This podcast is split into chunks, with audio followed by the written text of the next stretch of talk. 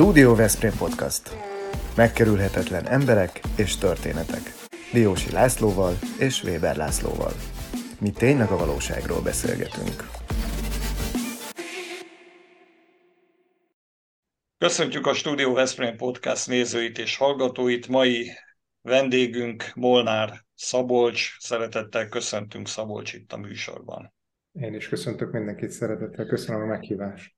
Szabolcs szervezetfejlesztő, ügyvezető, lean tanácsadó, aki a generációváltás kihívásairól fog beszélni nekünk a családi vállalkozások esetében. De sok minden más is elhangzik a műsorban. Ha most nincs időd végignézni vagy meghallgatni az epizódot, akkor iratkozz fel csatornánkra és gyere vissza bármikor, amikor neked alkalmas. Így nem maradsz le semmiről ebben biztos vagyok, sokféle érdekesség, és különösképpen a vállalkozások számára sok muníciót is fogunk kapni. És jegyezzük meg a kezdet kezdetén, hogy egy hasonló című könyv, tehát a generációváltás kihívásaival foglalkozó könyv eh, is megjelent a közelmúltban, amelynek a társszerzője vagy. De mielőtt a könyvről beszélünk és a jelzett témáról, ahhoz, hogy megértsük a te inspirációidat, a tanácsadásra, a szervezetfejlesztésre vonatkozóan egy kicsit fussuk át az eddigi életutadat, mert az bizonyára segít majd nekünk megérteni több mindent. Szóval csak úgy vázlatosan légy szíves. Hát amikor apukám meg anyukám megismerkedtek, akkor... Ne... Na, ez, ez, ez nem lesz ez Tényleg egy röpke három és fél órában. Hát talán a, a legfontosabb mérföldkövet kezdeném, ami az életemben azt gondolom, hogy nagyon meghatározó momentum volt. Én kereskedelmi szakközépiskolában végeztem, és vannak 56-os rokonaink, Amerikában, és ők felelőtlenül meghívtak engem egy évre, miután elvégeztem az első évet a szakközépiskolában, tehát 15 évesen. 91-ben én Amerikában találtam magam, ami ugye manapság nem annyira nagy szám mondhatni, mert, mert sokaknak van hál' Istennek lehetősége erre, de azért ott a rendszerváltás után jártunk két évvel, sokan még külföldön sem nagyon voltak, nem hogy egy évre Amerikába kaptak lehetőséget, úgyhogy szinte nulla angol nyelvtudással kitöltöttem egy évet a gimnáziumba, szakközépiskolába, és, és úgy jöttem haza, hogy akkor szerintem még fel se fogtam, és lehet, hogy a mai napig fel se fogtam, hogy milyen hatással volt ez az életemre. Ez az egy év, nem csak a, a felsőfokú angol nyelvvizsga, ami az idézőjelben az ölembe hullott vérrel, verítékkel megküzdve hogy az első hónapokban, de de az a szemlélet, ami, amit akkor, akkor kaptam, az, az végigkíséri az életemet, illetve nagyon sok munkám, munkahelyem ugye emiatt, emiatt lett. Én közgazdász lettem utána később, és ö, ö, családi vállalkozásban, kis vállalkozásokban kezdtem el dolgozni, majd elkerültem a multivilágba. Ennek az első mérföldköve az alkohol volt, majd pedig meghatározó életszakasz az 5 év, 5 év MTD, Nemesvámoson, és itt az MTD-nél találkoztam én egy, egy módszerrel, amit úgy hívnak, hogy Lean, Lean Management, ugye ez a Toyota módszer, a Toyota találta ki ezt a, ezt a módszert az 50-es években, amivel leverték a világot, ugye a világ autógyártását, és most már mindenki a Toyotát e, másolja, mind a minőségben, mind, mind mennyiségben, e, mind produktivitásban ugye jelen járnak, és most már nincs olyan multi valójában legyen az a bankszektor, legyen az egy logisztikai cég, legyen az egy bármilyen termelő vagy adminisztratív nagyvállalat, aki ne használná a lean, lean módszereket, módszertanokat, és én ezt az MTD-nél tanultam akkor. Az amerikai központunk élen járt már ebben, és akkor küldtek hozzánk is tanácsadókat, akik, akik tanították nekünk ezeket a módszereket, elveket, én lettem a lean manager, anélkül, hogy tudtam volna, hogy mit jelent ez, és küldtek a német, német központba, az amerikai központba, mexikói gyárba tanulni erről a módszerről, majd később vezetni ilyen projekteket, és amikor már azt hittem, hogy mindent tudok erről, akkor én eljöttem tanácsadói pályára 2005-ben, úgyhogy én 18 éve tanácsadóként működök. Na hát Eszuszra, Eszuszra így kell, így kell eljutni egészen idáig, de akkor ilyen tudományos ismeretterjesztő jelleggel kérlek, hogy erről a leanről adj egy összefoglalást, és akkor van egy másik kifejezés, ami még így a Toyotához, meg a módszertanhoz tartozik, ez a Kaizen. Uh-huh. Ez a kettő, ha jól tudom, akkor a Toyotának a legfontosabb üzemanyaga, úgyhogy uh-huh. ezt foglald össze nekünk, hogy megértse minden laikus. Miről szól ez? Hát valójában a Lean illetve a Kaizen, ugye ez nem, nem szól másról, mint a, a folyamatos, mindennapos fejlesztésről, fejlesztésekről. Tehát, hogy nem elégszünk meg azzal, ami van, nem elégszünk meg azzal, hogy így szoktuk, hanem mindig, minden dolgozó, minden percben, minden nap azon gondolkodik, hogy hogyan lehetne egy kicsit jobban csinálni azt, amit csinál, hogyan lehetne észszerűbben csinálni, hogyan lehetne logikusabban csinálni, még életlenül sem gyorsabban, tehát nem arról szól, hogy hogyan hagyjuk ki az emberekből a, a, a szuszt is, hanem, hanem azokat a dolgokat, amik nem teremtenek értéket a folyamatainkban, a rutinjainkban, azokat hogyan lehetne eltávolítani, eh, hogyan lehetne kevesebb mozgással, kevesebb várakozással, kevesebb um, tétlenséggel ugyanazt a munkát, vagy akár még jobb minőséget előállítani. Valójában a folyamatos fejlesztés egyébként nem szól másról, mint a, a, az emberek tanításáról. Tehát egy, egy lean környezetben, egy lean kultúrájú vállalatban az emberek fejlesztés az, az, az központi téma, hogy, hogy hogyan lehet az ő probléma megoldó képességüket fejleszteni, hiszen ő saját maguk, ők saját maguknak kell képesnek lenni a saját munkájukat fejleszteni, akár csak apróságokat is észrevenni és apróságokat, vagy a saját erőforrásaikkal megoldani, vagy pedig vezetői segítséget kérve fejleszteni a, a, a munkát. Tehát a folyamatos fejlesztés és a folyamatos tanulásnak a, az alapelvei gyűjti össze tulajdonképpen ez a, ez a szemlélet, amiben nagyon komolyan benne vannak a vezetők, vezetői példamutatás és az emberek bevonása, az emberek tisztelete. És akkor most jól gondolom, hogy ezt, ezeket az ismereteket, ezt a tapasztalatot felhasználva kisebb vállalkozások számára is tudsz, tudtál segítséget adni ahhoz, hogy ezeket a múlt is tapasztalatokat lehessen hasznosítani. Igen, ez, ez miközben én ugye elkezdtem építeni a tanácsadói pályámat 2005 óta. Mindig is fontos volt, hogy valamit, ne, ne csak a multikra vadászunk, tehát ne erről szóljon a mi munkánk, hogy, hogy tanácsolói napokat és projekteket vadászunk, hanem valamit tegyünk a, a, a szakmáért is, és, és tegyük elérhetővé a lint mindenki számára. És 2008 környékén, akkor még nem létezett Lean könyv Magyarországon tehát magyar nyelven. A HVG adta ki akkor a Toyota módszert, és mi megkerestük a, a Lean Bibliájának a szerzőit, egy, egy amerikai, meg egy angol emberről van szó, Vomekről és Jonesról, megvettük a jogait ennek a könyvnek, és kiadtuk magyar nyelven Lean szemlélet címen ezt a könyvet.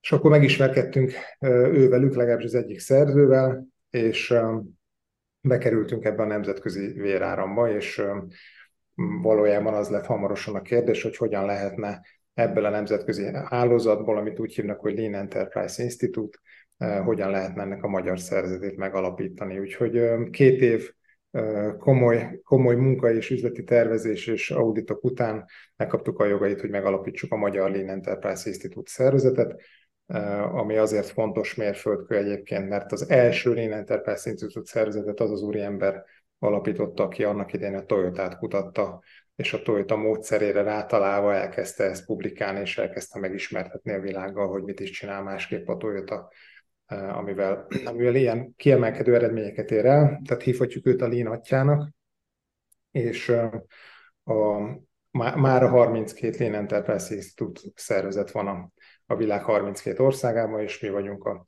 18 a sorban 13 évvel ezelőtt, 12 évvel ezelőtt alapítottuk meg a magyar szervezetet, aminek továbbra is az a cél, céljét visszatérve a kérdésedre, Laci, hogy, hogy a, a lint mindenféle fórumon eljuttassuk minden, mindenkinek, aki érdeklődik iránta. Tehát nagyon sok cikket írunk, nagyon sok videót gyártunk ingyenesen a weboldalunkra, 11 könyvet adtunk ki azóta, ezek mind fordítások az amerikai központunk által kiadott könyveknek a fordításai.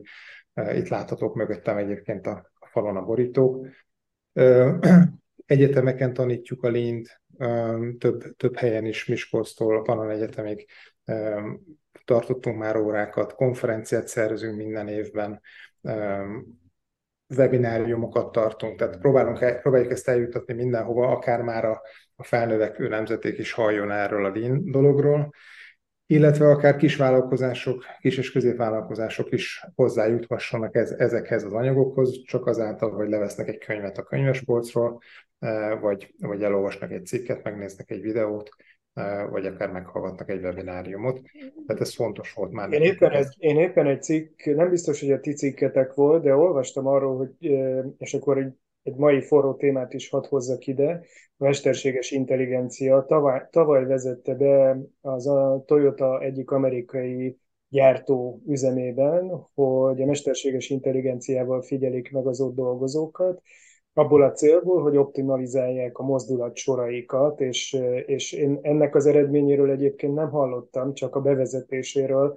Erről lehet már tudni valamit, hogy ez a, a mesterséges intelligencia ilyen formában is tudja támogatni a tökéletesítését a gyártó, gyártási folyamatnak? Konkrétan erről a, erről a kutatásról, vagy ennek a kísérletnek az eredményéről nem tudok, de nagyon sok ipari megoldás van már, ami, ami egy célozza, akár ergonómiai szempontból is, hogy, hogy hogyan lehet még kevesebb lépéssel, még kevesebb hajogatással, még kevesebb törzs fordítással, akár magasban nyúlással megoldani ugyanazt a munkatartalmat, és hol vannak a kritikus kockázati tényezők, mondjuk, hogy ami, ami középtávon akár már egészségkárosodást eredményezhetnek. Tehát ilyen típusú elemzéseket végeznek és végeztek régebben is. Az, hogy a mesterséges intelligencia már rendelkezésre áll, ez, már, ez, ez még inkább megkönnyíti nyilván ennek a, ennek a, a, a módját de egy nagyon egyszerű, ennek a lege, leges legegyszerűbb és leginkább lebutított verziója, amit, amihez nem kell semmilyen technológiai beruházás, az a spagetti diagram, tehát ez onnan fejlődött ki egyébként ez a dolog, ami, amit úgy kell elképzelni, az ember fog egy papírt és egy ceruzát, és követ egy dolgozót, egy alaprajzot fog a kezébe, és egy dolgozót követ, hogy ő mondjuk egy 8 órán keresztül egy műszakban milyen utat jár be, és egy ceruzával, anélkül, hogy felemelné a ceruzát, végigrajzolja és a végén tényleg olyan lesz ez a, ez a rajz, mint egy spagetti stál, uh-huh. és lehet látni azon, hogy, hogy mennyi helyen jár, és milyen utat jár ő be egész műszakban, ami hát abszolút nem értékteremtő se a dolgozó szempontjából, se a vevő szempontjából. Ha meg rendelkezésre áll mesterséges intelligencia, és ebből tömeges adatot lehet gyűjteni, akkor nyilván ezeknek az elemzése még komolyabb áttörést és eredményt tud hozni.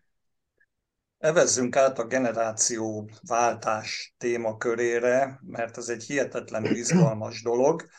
Volt már a, olyan beszélgetésünk, ahol érintettük ezt a témát, Barabás Árpáddal beszéltünk, a Barabás téglakő tulajdonosával, aki éppen akkor tájt foglalkozott azzal, hogy egy családi alkotmányt hoz létre, próbálja megszabni azt az irányt, ami a közös együttműködésen alapul a gyerekeivel, jövőt illetően. Szóval egy kicsit belekóstoltunk ebbe, de amikor én a generációkpartnere.hu weboldalatokra rámentem, csak álmélkodtam, hogy aki ilyen problémával küzdik, vagy inkább azt mondom, hogy annyira előrelátó, annak milyen sok segítséget tudtok ti adni, hát ez egy fantasztikus dolog, azt kell mondanom, hogy le a kalappal. Szóval avasd be minket egy kicsit ebbe. Igen, hogyha ha a munkámról kérdez valaki, akkor mindig azt szoktam mondani, hogy két lábon állok, és az egyik láb, ugye a régebbi lába, hogy az előbb is meséltem, az, az a multivilágban gyökerezik, és a, a lean, a lean vonal erősíti ezt a lábat, de mindig is kacsingattam valahol a KKV-k felé és a családi vállalkozások felé, és ez most már több mint öt éve manifestálódott a Generációk Partnere Kft. formájában, és azóta építjük ezt a, ezt a brandet a Páros Idikó kolléganőmmel, aki a szakmai vezetőnk is egyben. Ő neki korábban elege lett a multi, multivilágból, 13 éve jött el a multivilágból, és, és dolgozik családi vállalkozásokkal azóta is, úgyhogy hihetetlen tapasztalattal rendelkezik. És, és elkezdtünk felépíteni egy olyan brandet, ami, ami kifejezetten, nyilván ez egy szervezetfejlesztő dobozba tennénk ezt a céget, hogyha, hogyha a dobozon egy címkézni kellene, de mi a szervezetfejlesztésnek azon szeletével foglalkozunk, ami kifejezetten a generációváltásra fókuszál. És szoktuk mondani, hogy minden generációváltás szervezetfejlesztés, de nem minden szervezetfejlesztés generációváltás. Oké, okay, meg egy pillanatra. A tapasztalataid alapján mi az a legnagyobb feszültségpont egy generációváltásnál, ami, amivel, amivel nagyon-nagyon kell melózni? Aha.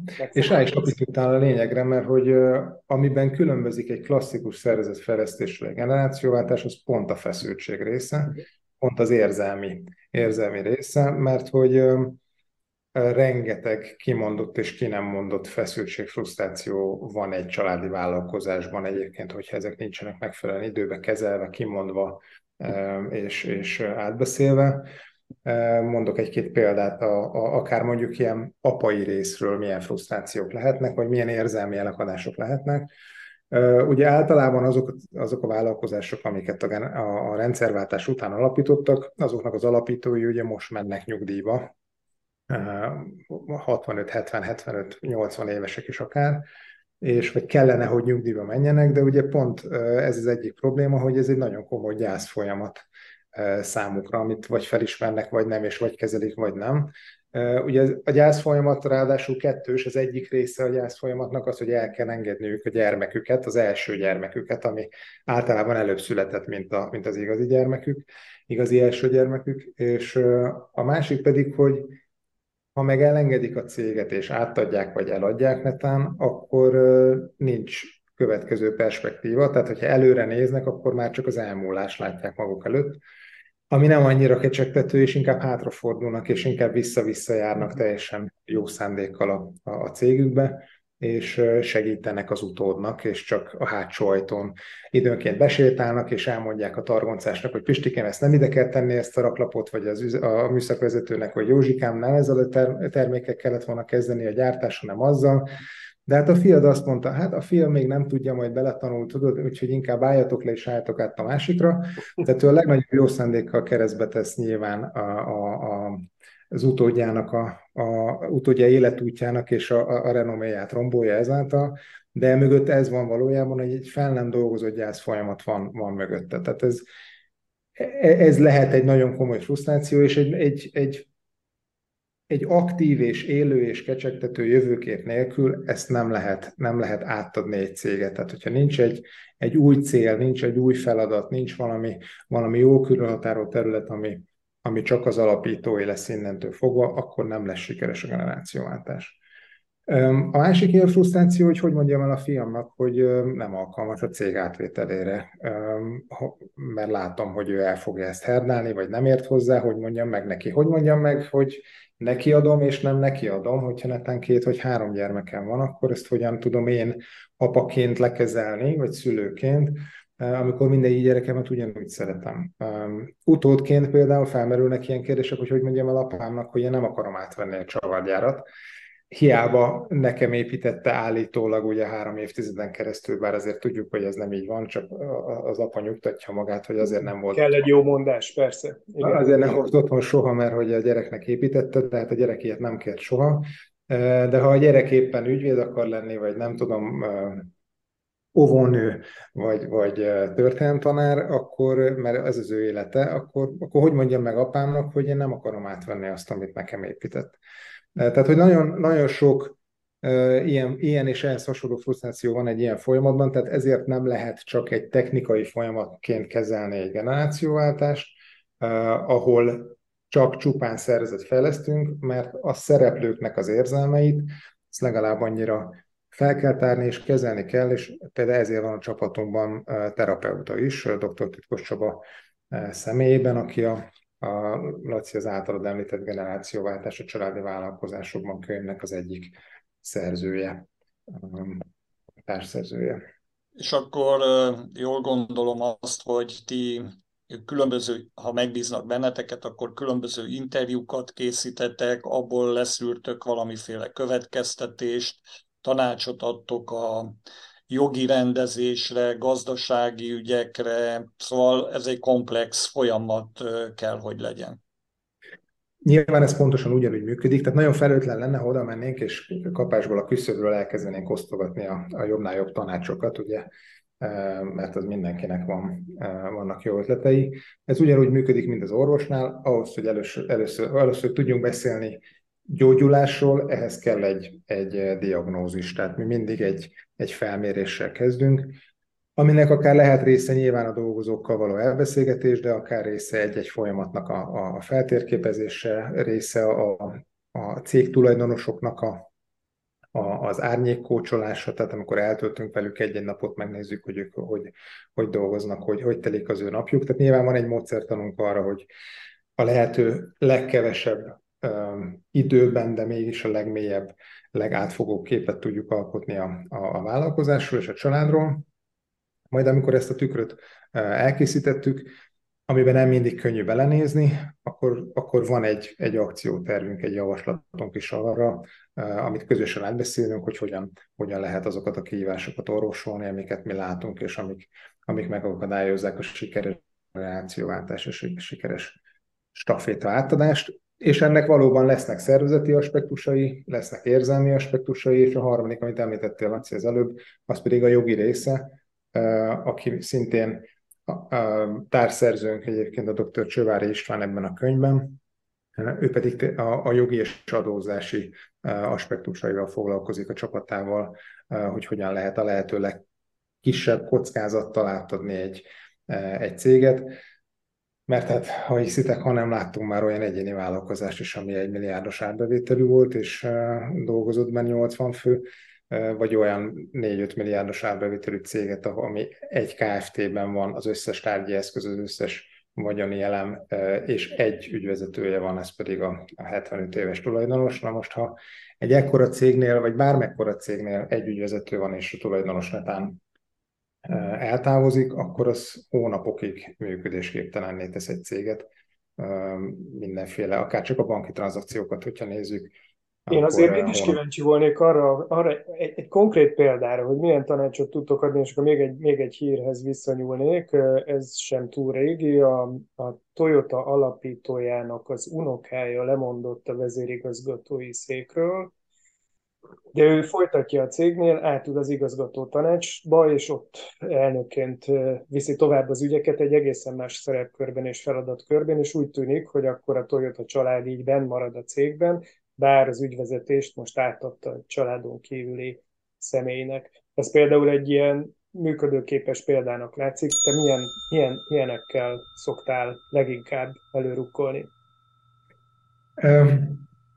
Azért, azért próbálom kerülni a kérdést, vagy a, inkább a választ, mert hogy mert hogy mi azt látjuk, hogy minden család, minden vállalkozás egyedi, tehát hogy nem nincsenek sablon, sablon válaszok vagy sablon megoldások, nyilván vannak olyan bevált, bevált lehetőségek, vagy bevált uh, irányok, amiket érdemes megfontolni, de amit említettél például, az egy tökéletes példa arra, hogy nagyon sok cégtulajdonos nem tudja azt, hogy a tulajdonosi szerep és az ügyvezetői szerep az, az ketté választható.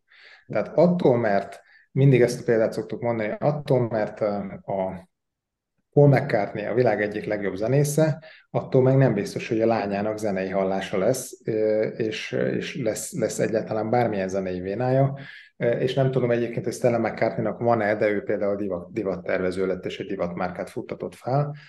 Tehát attól, hogy egy, egy vállalkozó és, és cápákról beszélünk, tehát azok, akik három évtizeden keresztül tűzön, vizen át és a falon és átmenve felépítettek milliárdos vállalkozásokat, azok, azok született túlélők és, és született, született vállalkozók stratégák.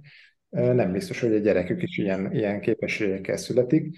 Tehát fontos azt, azt felismerni, hogy nem feltétlenül leszek én jó cégvezető attól, mert az apám az volt, viszont cégtulajdonos lehetek ettől függetlenül, és lehet egy megbízott ügyvezető a cég élén, ak- akkor, hogyha az a cég az megfelelően transzparens, azaz azt a céget megfelelő folyamatok, feladatok, felelősségek, felelősségkörök és mérőszámok mentén uh-huh. irányítjuk, és ezáltal van nekem egy olyan vezetői műszerfalom, amin keresztül én látom azt, hogy a megbízott ügyvezető mondjuk milyen irányba tereli a céget, megfelelő stratégia mentén és megfelelő, megfelelő párbeszédek mentén, és én a tulajdonosi szerepet meg tudom tanulni, ami sokkal, ink- sokkal kevésbé képesség alapú egy tulajdonosi szerepet megtanulni, mint mondjuk egy vezetői, vezetői székbe beleülni.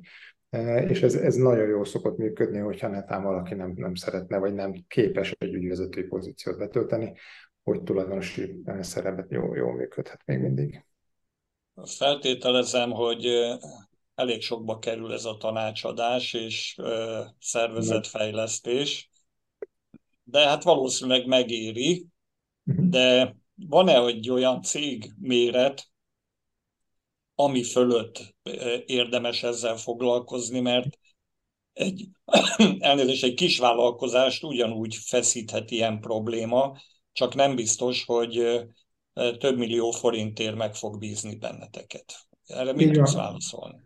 Ez pontosan ugyanúgy, mint mondjuk nem minden vállalkozás méretnél éri meg mondjuk egy, egy vállalatirányítási rendszert bevezetni, vagy egy szerver, szervert üzemeltetni, vagy bármiféle komoly könyvelési rendszert megvásárolni. Itt is van, van egy, ilyen, egy ilyen határ kb., amit mi így meg szoktunk határozni. Mi azt szoktuk mondani, hogy ilyen 500 milliós árbevétel felett az a, a és mondjuk ilyen 50 fő felett az a cégméret, ami, amivel mi mi ideálisan tudunk dolgozni, mert egyrészt ez már van olyan komplex szervezet, egy ekkora cég, hogy, hogy nagyon hamar, nagyon, nagyon látványosan megtérül a munkánk, mert, mert nagyon sok, minden, sok olyan, ugye, hogy organikusan növekednek ezek a cégek, és, és és elkezdjük rendbe rakni és szétszálazni ugye ezeket a folyamatokat, amik az évtizedek alatt valahogy kialakultak.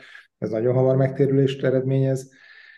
Illetve itt már van tét, tehát megvan az a, megvan az a fajta komolyság a megbízó részéről is, hogy igen, igen komolyan beleáll ebbe a dologba, és, és egy, egy milliárdos céget azért elveszteni, az, az nagy motiváció lehet, mert hogy egyébként a statisztikák azok nem annyira kecsegtetők. Nyilván Magyarországon kevésbé tudjuk még a számokat, de a külföldi statisztikák azt mutatják, hogy a staféta átadás után mi egy-másfél évvel ezek a, ezeknek a cégeknek a 80%-a csődbe megy.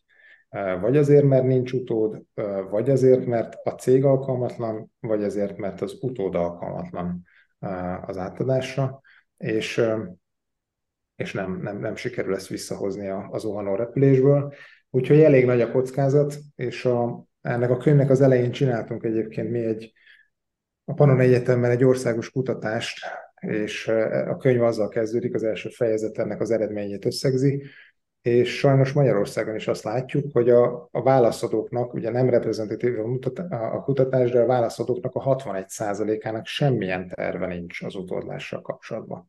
Tehát terv nélkül belemenni, sokan azt gondolják egyébként, hogy majd a könyvelő megoldja, vagy majd a, majd a, a házi jogász megoldja ezt a problémát. Csak az a baj, hogy a könyvelő mondjuk havi éves rutinokra van berendezkedve, és neki ezzel van, ezzel kapcsolatban van, van tapasztalata. A három évtizede jelentkező rutinokkal kapcsolatban pedig nincsen, úgyhogy nem fogja megoldani sem a könyvelő, sem az ingatlan, ingatlan jogász eh, ezt a problémát, mert azért ez egy jóval összetett, összetett történet. Szabolcs, te még nagyon fiatal vagy, de te már elkezdtél foglalkozni ezzel a eh, kérdéssel a saját életed és vállalkozásod tekintetében. Mikor kell ezt elkezdeni? Hogy látod? Ez egy nagyon jó kérdés egyébként, ugye nálam az a helyzet, hogy ez nem egy családi vállalkozás, tehát az üzlettársaim azok nem rokonaim, de ettől függetlenül az utódlás kérdés az ugyanúgy nálunk is fel fog merülni elő vagy utóbb. Mi azt szoktuk mondani, hogy a, a, az utódlás az akkor kezdődik, vagy a generációváltás akkor kezdődik, amikor megszületik az utód.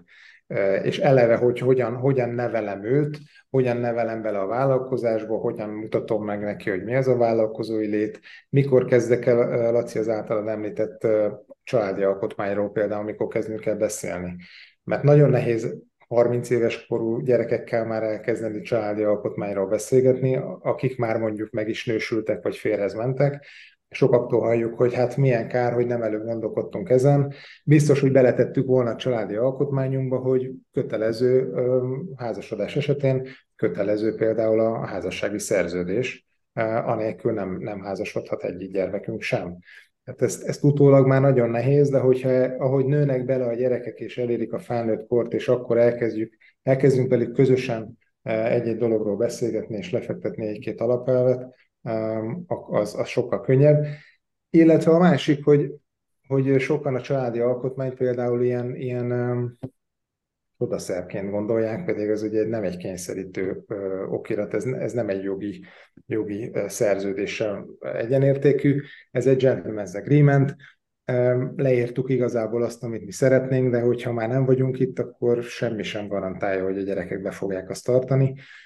Igazából az garantálhatja egyedül, hogy mi hogyan neveltük őket, milyen értékek mentén, eh, mennyire, mennyire eh, értik és tisztelik azokat az irányelveket, amiket mi képviseltünk, és eh, mennyire hülyek a, a mi emlékünkhöz. Ez fogja őket igazából az úton tartani.